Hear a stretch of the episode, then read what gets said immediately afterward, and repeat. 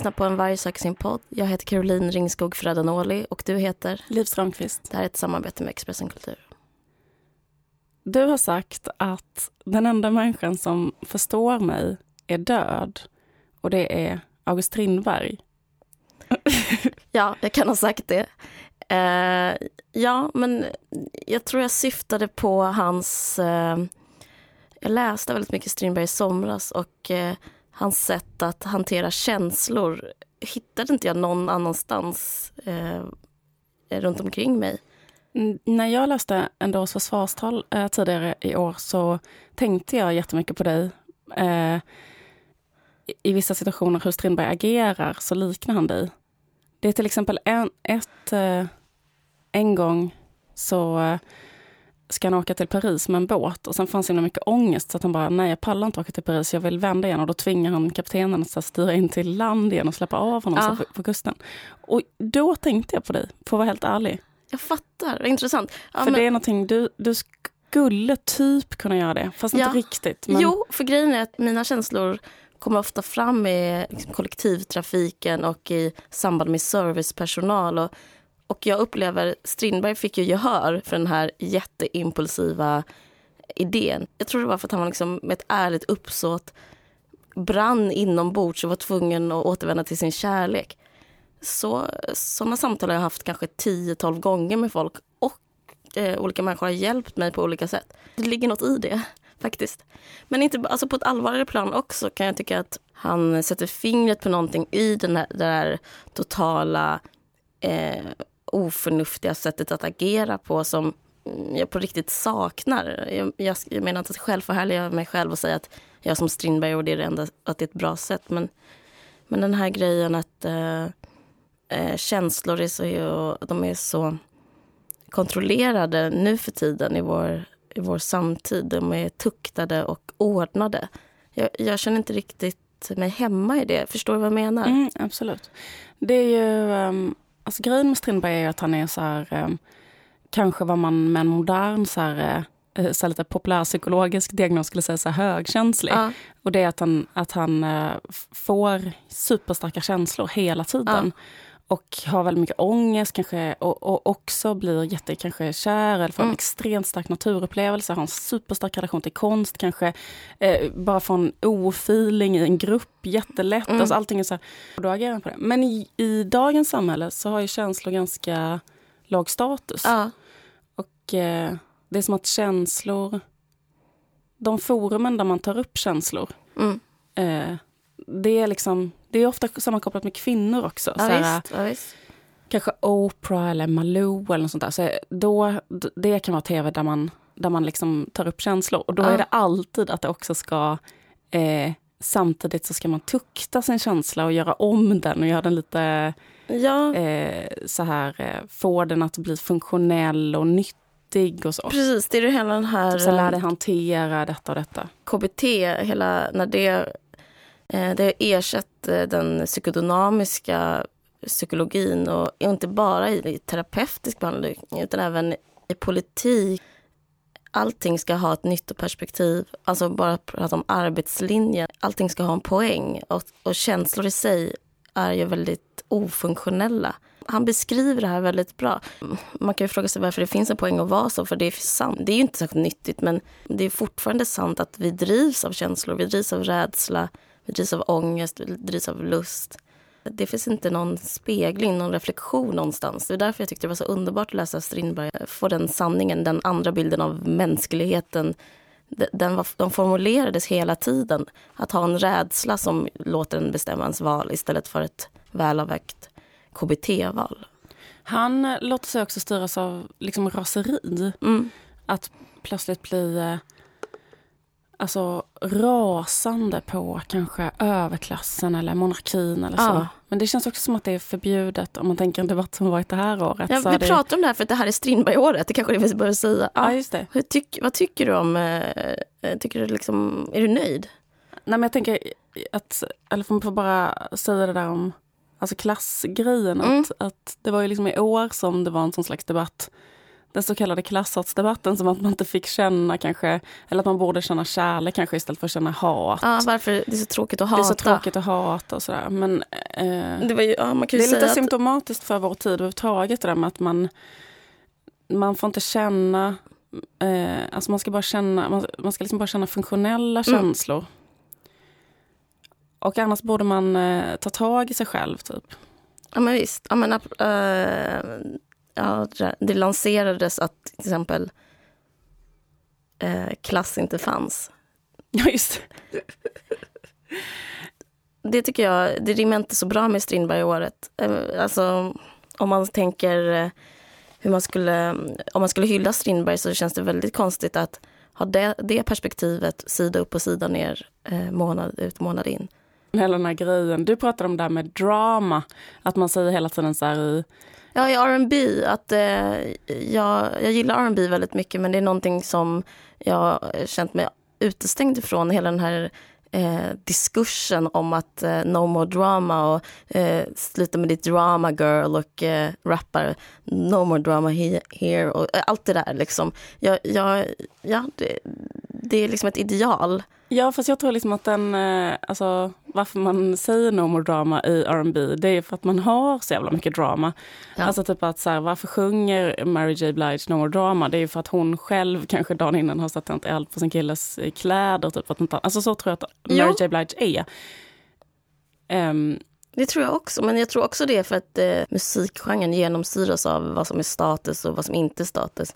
Som du var inne på innan, att det är en kvinnlig grej kan man säga och att det är ju rätt så patriarkal stämning i R&B och hiphopvärlden att, att säga då att eh, nej, alltså jag gillar absolut inte drama, en, en slags killfjäsk kan jag tycka. Det är mycket så här, uh, my girlfriend is a crazy bitch typ ja. och att så här, att uh, utifrån ett killperspektiv när man inte fattar fattar, när man inte orkar så här, sätta sig in och ha empati och fatta varför någon är på ett visst sätt så är det liksom en crazy bitch. Ja, precis. Um, det är typiskt. Men jag menar, Strindberg var verkligen en crazy bitch. Han var verkligen en crazy bitch och han är liksom motsatt den typ av lyrik som finns i R&B människor som, som inte behöver anpassa sig så mycket till arbetssamhället kan hålla på med med känslor. Det var det jag skulle säga innan. Men, eh, ja, men typ om man är så här, eh, uteliggare eller så. Det tycker jag liksom ofta när man ser så gäng av eh, parkbänksalkisar sånt håller de ofta jätteofta på med drama. Alltså mm, jätteofta mm. så här bara, eh, du sa det till mig och det är något mm. jävla, det är något liksom, det är ett bråk på gång och det är Loffe, någon, någon, kom tillbaks! Exakt, eller någon, någon har sagt, gjort, gjort något, eller man har tid att hålla på med det. Mm. På ett sätt som man kanske inte har tid med då, man har liksom, är mer socialt välanpassad. Mm.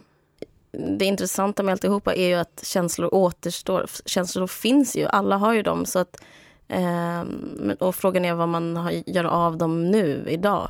Om man använder dem manipulativt istället kan jag uppleva man spelar på känslor men man, eh, man speglar inte dem. Förstår du vad jag menar? Mm.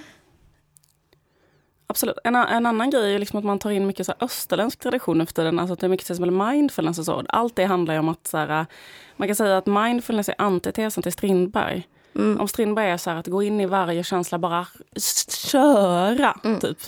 Eh, få en feeling, trippa på den. Mm. Eh, freaka, skriva ett debattinlägg och mm. lägga sig. Mm. Alltså, mm, är nästa då? Mindfulness är ju så att man ska bara så här... Eh, Acceptera. Ja, exakt. Och det är ju supermodernt nu också. Mm. Det håller liksom människor i schack. Det är jävligt lite Unge Werther nu för tiden. Ja. Men jag vet inte, jag kan känna mig dubbelt till det. För jag gillar också den där grejen att eh, inte eh, flippa liksom. Ja, det är klart det är jobbigt med folk som flippar. Men eh, jag tycker ändå det fanns, finns en gärning i att vara den som eh, formulerar och skriver eh, det som är mänskligt och mörkt. Och, mm, det är också ett sätt att hålla känslor i schack. Att dels skriva om det och sen dels läsa om det. Att få eh, att använda sig av det liksom professionellt på det viset. Att kväsa känslor, det är också att vara professionell med det. Men att hela tiden hålla på och se på dem, vända på dem, bearbeta, skriva en dikt, läsa en dikt, eh, gå en promenad, vara i skogen, vända, hoppa av ett ett, en båt simma tillbaka. Det är ett sätt att liksom eh, inte kanske flippa och eh, sitta på ett internetforum och säga att eh, man hatar kvinnor eller att man hatar invandrare. Jag tänker att det, det är ett sundare, mer ärligt, vaket sätt att vara på. Liksom. Alltså Strindberg skrev med en roman att han hatade kvinnor istället för att skriva på ett internetforum. ja. Skojar bara.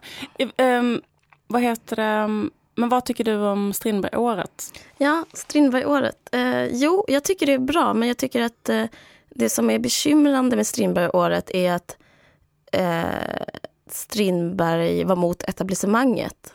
Och att Strindbergåret är etablissemanget. Det är synonymt med etablissemanget. Precis, och därför det jag tycker är konstigt med Strindbergåret är att eh, de har totalt ha, eh, kidnappat honom och gjort honom till till sin, sina. Och det, det är liksom det största, det är ett kardinalfel. De borde istället avskaffa sig själv. Alltså Dramaten borde stänga det här året till exempel. Svenska Akademin borde ha på sig jeans. Förstår du vad jag menar? Ta en eh, time-out. Ta en time-out och kanske ge bort sina pengar till fattiga. Något sånt, förstår du? Det, det hade varit Strindbergåret. Absolut. Att eh, ge monarkin time-out slash avskaffa monarkin. Och eh, kanske ha jättemycket... Ja, men, eh, mitt favoritcitat av Strindberg det är det här citatet. Ekonomi är en vetenskap uppfunnen av överklassen för att komma åt frukten av underklassens arbete. Och eh, det känns ju som... Eh, jag har aldrig... Det, det citatet har liksom aldrig varit mer aktuellt än nu. Man tänker på vad eh, den liksom nyliberala ekonomiska doktrinen har gjort med hela världsekonomin och sånt. Mm. Vad fan finanssektorn har gjort nu. Bara så kopiöst mot eh, människor liksom, som får betala priset för det nu i liksom, USA, Grekland, Spanien. Och var finns den kritiken? Nej, icke existerande. Men vad, hur tycker du man skulle ha gjort?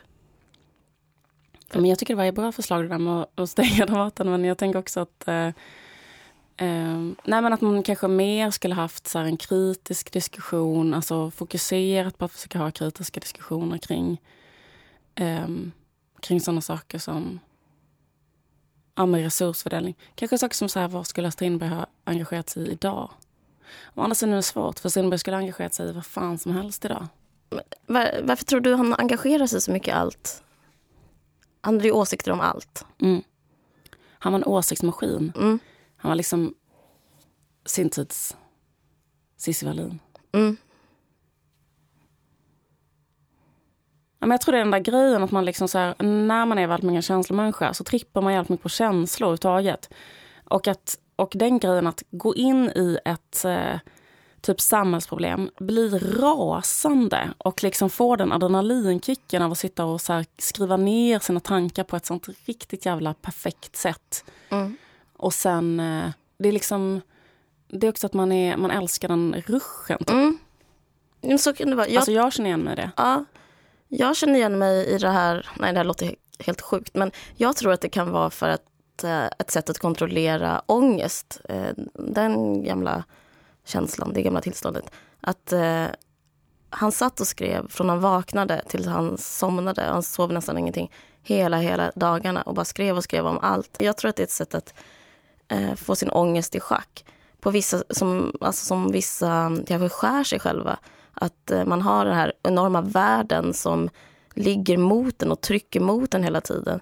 Och man kan inte riktigt vistas i den och man kan inte riktigt vara en människa. Man, kan, man förstår inte livet. Och det man gör då är att ja, vissa eh, tjejer kanske då skär sig själva för att kontrollera en viss pytteliten yta av den här enorma eh, smärtan som finns omkring en. Men han, jag tror att vad han gjorde var att han skrev hela tiden som, och liksom, om man använde pennan som kniv om man vill.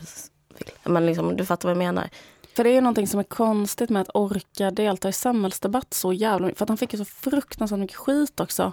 Ja men det är lite självdestruktivt, alltså är min poäng. Att han, han, han gjorde det inte för att han eh, alltså, eh, hade en så himla intressant resonemang. Det hade han ju också, det är det som är det roliga med honom, att han är fruktansvärt intelligent. Men, men för att han för det var ett sätt att stå ut med livet tror jag. Han var, tvungen att, han var tvungen att ha en debatt för att kunna klara vardagen. Precis.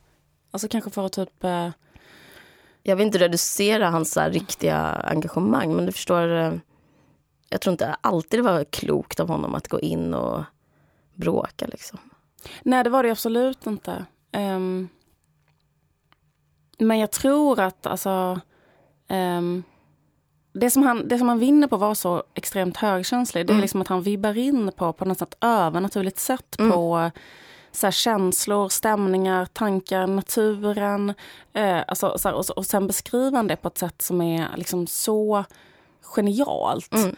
Och eh, sådär. Det som är jobbigt är ju för en själv. Mm. Eh, för jag tänker att han själv skulle ha mått bättre om han hade hållit på med mindfulness till exempel. Absolut, absolut. Bara så här gjort en pytteliten KBT-övning innan han typ så äh, skrev till Siri från Essen liksom mm. att äh, hon var en hora typ för mm. hundrade gången. Ja, men, så mm. men det finns ju någonting negativt i själva i det här känslosamma och att vibba in och att uh, uppfatta allt. Och det det är den här, eh, han var ju narcissist, han tänkte ju att allting handlade om honom. Och det blir så himla mycket att bära liksom, och hålla på och fäktas mot eh, en hel värld. Men eh, det här med att han, är, att han är paranoid, när det, det är då han blir dålig i sina argument tycker jag och i sin, eh, även sin litteratur. Alltså, så fort han tror att eh, någon vill åt honom och att eh, världen existerar Eh, för att eh, liksom, göra honom någonting, då tycker jag han tappar hela den här grejen att han kan eh, skildra. Jag tycker inte det är bra längre. Det blir liksom oärligt för det är så, det är så orimligt. Ja, fast jag tycker ändå liksom att sån delar till exempel i en dag försvarstal när han skildrar kvinnorörelsen mm. på ett sånt extremt så satiriskt sätt som är så mm. roligt så att man, alltså man typ ligger bara och gråter när man mm. läser det för att det är så kul och så extremt, alltså exklusivt jävla bra men då, är, ja, men då är han ju bra. Jag menar inte ja. det. Jag menar mer när han... Men det är ju är en, styrd av en paranoia då, att de har gjort en sammansvärjning åt honom och sådär. Men jag tycker liksom även, även där kan man, även om man liksom tycker att så här, resonemanget är förryckt och bla bla bla, så är det ändå så här... Eh, ja men alltså det är liksom, jag hade varit så jävla glad ifall så dagens kvinnohatare hade så här, eh, orkat eh, liksom tänka mer på sina formuleringar bara. Mm, mm det är kul. Hans eh, tjej, eh, Siri von Essen, mm, klär ut sig till dragqueen och hur är king, det? Drag king, precis. Ja, just det, precis. Det är väldigt så här, eh, det är faktiskt också eh, Siri von Essen har ju också ett jubileum i år, för hon dog ju samma år som Strindberg. Och eh, om man skulle säga några så sista ord om det så är ju eh, Siri von Essen i någon slags så här, eh, verkligen så pionjär inom så hbtq-rörelsen. Hon klädde ut sig till eh, man till exempel och var lesbisk, hade lesbiska förhållanden och hit och dit. Och jag tycker ändå, alltså det må ha hänt att Strindberg är kvinnohatare, men han hängde ju ändå väldigt mycket och var kär i en flata. Eh, det tycker jag som ändå talar för honom. Absolut. Det är kul. Det här med att Strindberg eh, var en kvinnohatare, har du något att säga om det?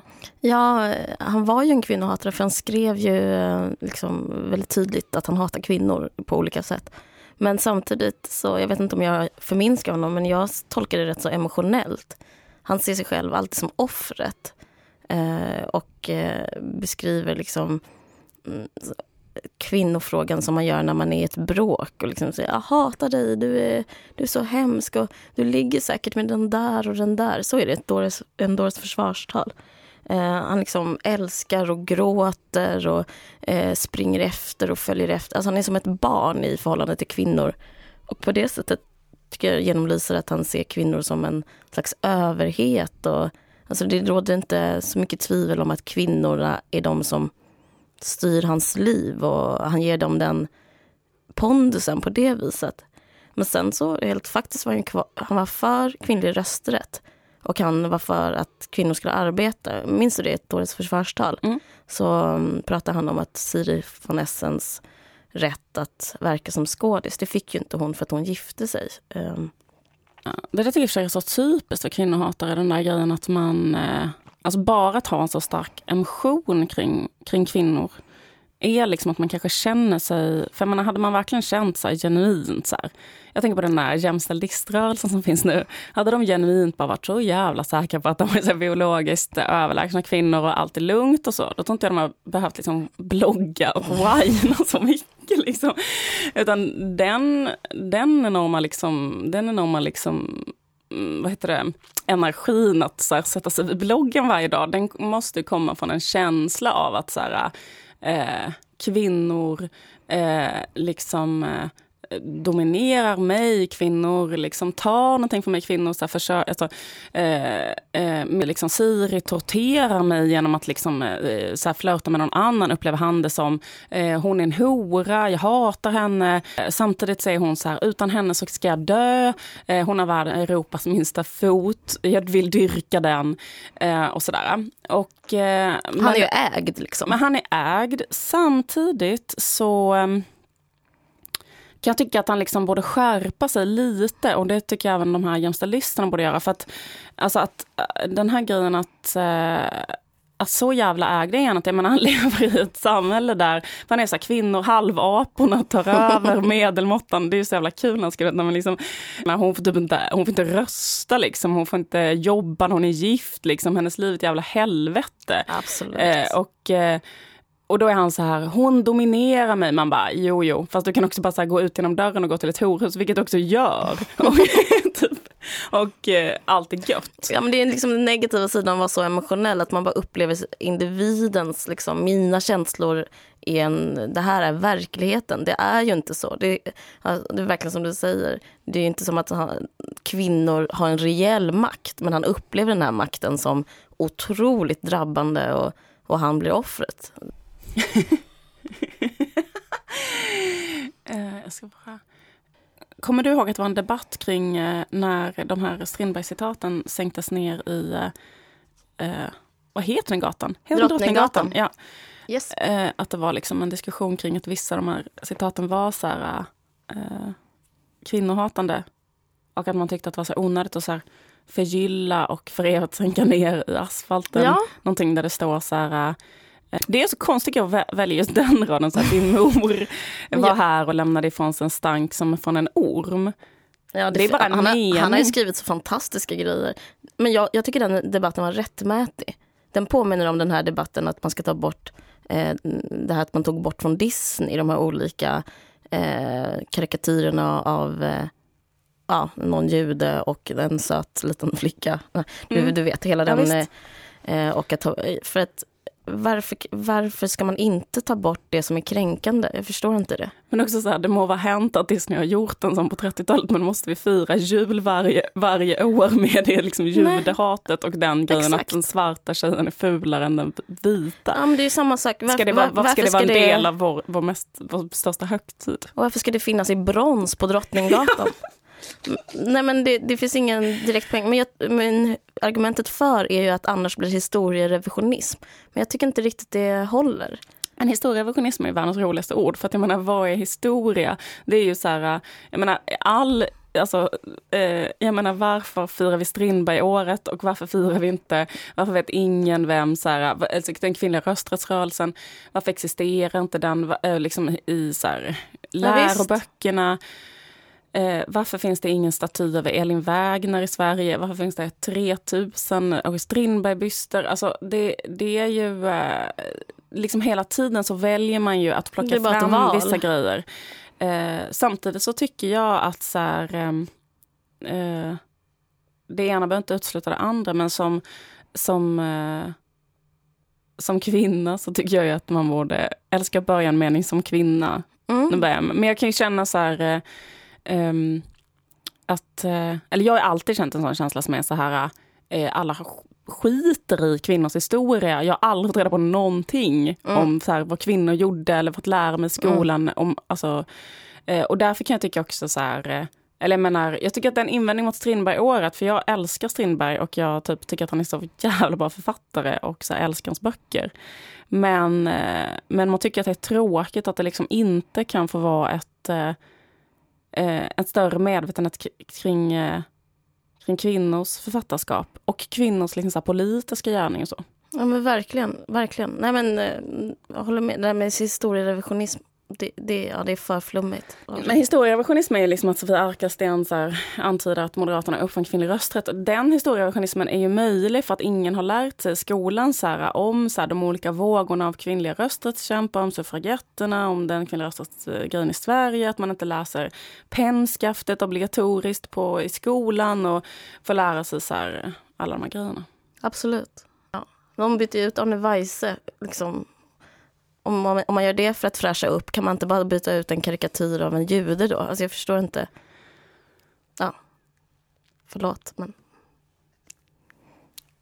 Ja.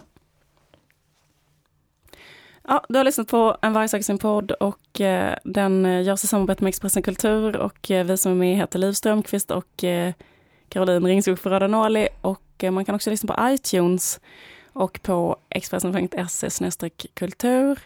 Musiken i början var gjord av eh, Carl-Johan Lundgren från Vitpäls.